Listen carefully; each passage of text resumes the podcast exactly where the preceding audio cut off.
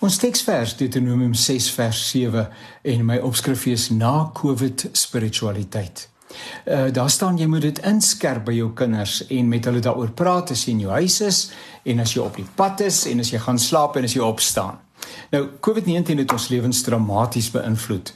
Met die ewigheid as daglikse meeloper, moes jy besluit wat belangrik is en wat nie.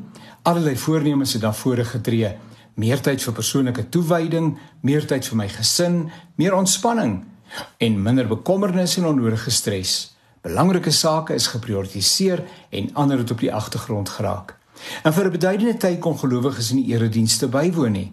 Aanlyn kerk het gevestig geraak en baie gelowiges het ten spyte van die normalisering wat ingetree het, steeds die gewoonte behou om eerder aanlyn eredienste aanstekens by te woon as om die rit na die plaaslike gemeente te onderneem. Hierdie paar gedagtes het veral met kinders en hulle geestelike gesondheid te maak.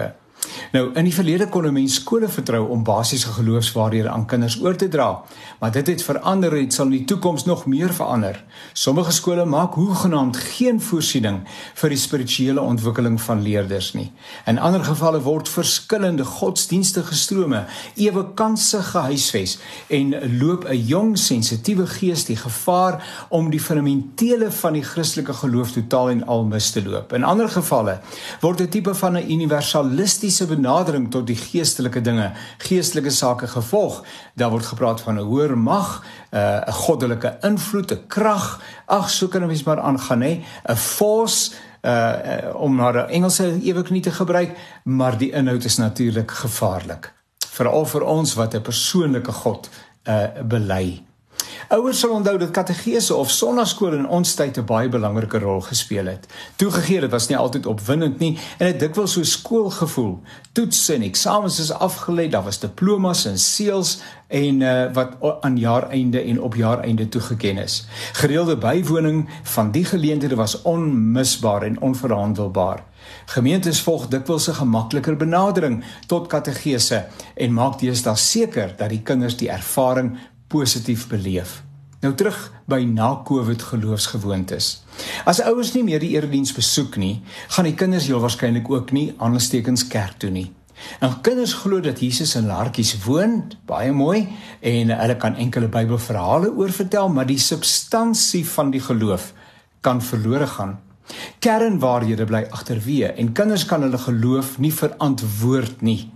Geloof bestaan uit twee elemente: kennis en vertroue. Kennis en vertroue. En met die naïewe vertroue stort daar gewoonlik kort dag gewoonlik nie en ouers maak seker dat dit wel by hulle kinders teenwoordig is. Dit is die inhoudelike, die kenniselement wat verlore gaan. Natuurlik kan ouers sê dat hulle die geestelike vorming van hulle kinders vir hulle eie rekening neem. Nou, dit is inderdaad eerste prys, maar in ons gejaagde lewe is dit dalk 'n bietjie idealisties. Van wanneer swaar tye kom, is dit wat jy van God weet wat jou vertroue voed. Naïewe geloofsvertroue alleen kan teleurstel, soveel so dat 'n uh, kinders se hele geestelike basis wegval. En my bedoeling is nie om mense te laat sleg voel of iets nie. Jy het die reg om te besluit. Die vraag is net of dit ewe seer van toepassing is op die geestelike vorming, hierdie reg om te besluit, die geestelike vorming van die kind vir wie jy so lief is. Ek herinner jou sommer aan jou verbondsbelofte toe daai kindjie gedoop is of ingeseën is. Ek sal hierdie kind onderrig en laat onderrig.